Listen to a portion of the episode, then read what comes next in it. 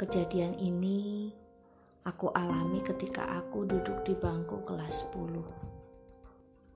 Semester awal, masa di mana aku masih beradaptasi dengan teman-teman baruku.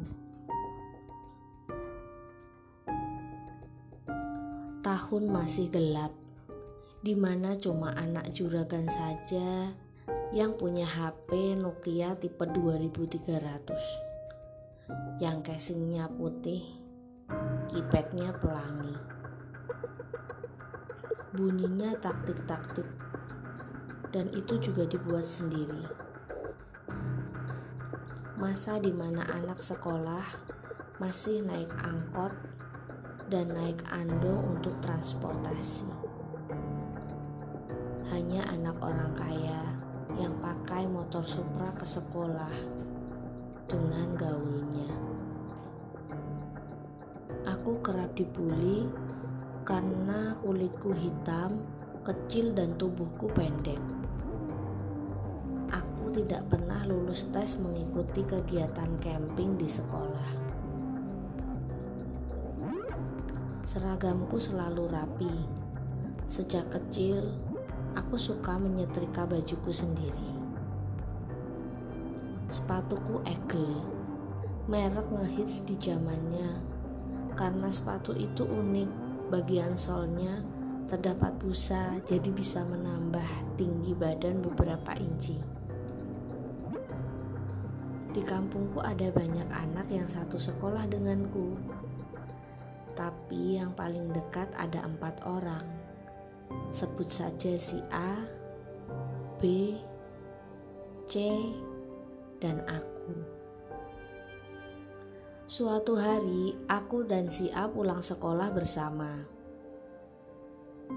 Temanku si A mendapat titipan dari ibunya yang harus kami beli di pasar.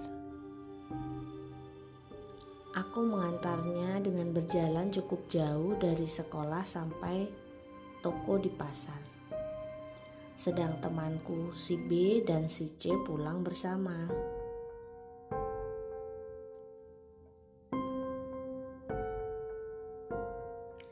Di perjalanan kami, kami bertemu dengan nenek-nenek penjajah bunga. Dia menawarkannya untuk kami.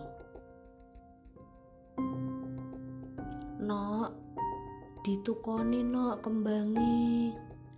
Sesok menawa sampean kabeh butuh. Dengan suara rentanya. Kami menolak.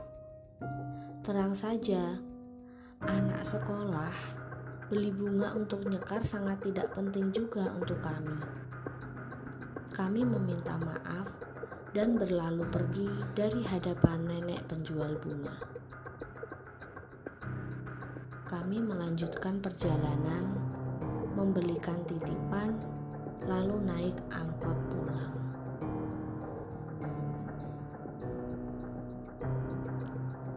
Esok harinya, aku sangat terkejut mendengar berita lelayu bahwa sahabat kami si C meninggal dunia. Tanpa kami tahu, ketika perjalanan pulang dari sekolah, temanku si B dan si C mengalami kecelakaan. Mobil angkutan umum yang ditumpangi oleh mereka overload dan pintunya terbuka ketika melintasi belokan di jurang. Naasnya, si C yang duduk di samping pintu terjatuh dan terlempar ke jurang samping jalan. Kata para saksi, nampak lukanya tak seberapa. Bagian kepalanya mengeluarkan sedikit darah.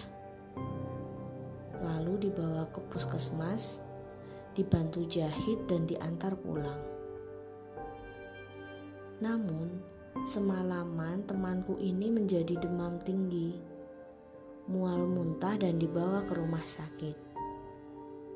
Dokter mendiagnosa kawanku ini gagal otak sampai akhirnya meninggal dunia. Kami semua terkejut dan sangat sedih.